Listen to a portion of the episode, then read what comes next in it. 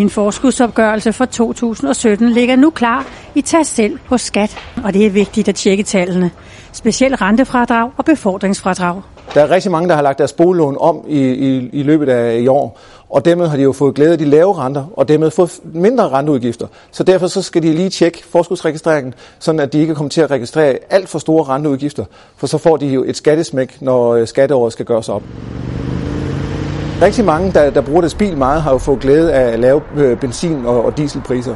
Og, og det er jo fint, men det får faktisk også betydning for ens øh, skat, fordi det er sådan, at øh, befordringsfradraget bliver reguleret efter benzin- og dieselpriserne.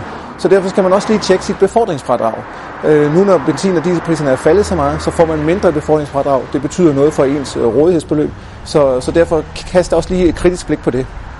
Til gengæld kan du være blandt de heldige, der får et pænt beløb ind på kontoen, uden at skulle gøre noget som helst selv.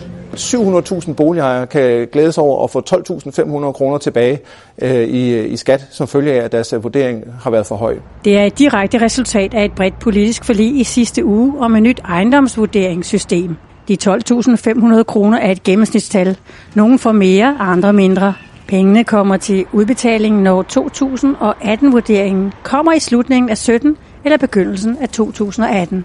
Og pengene falder især i yderområderne.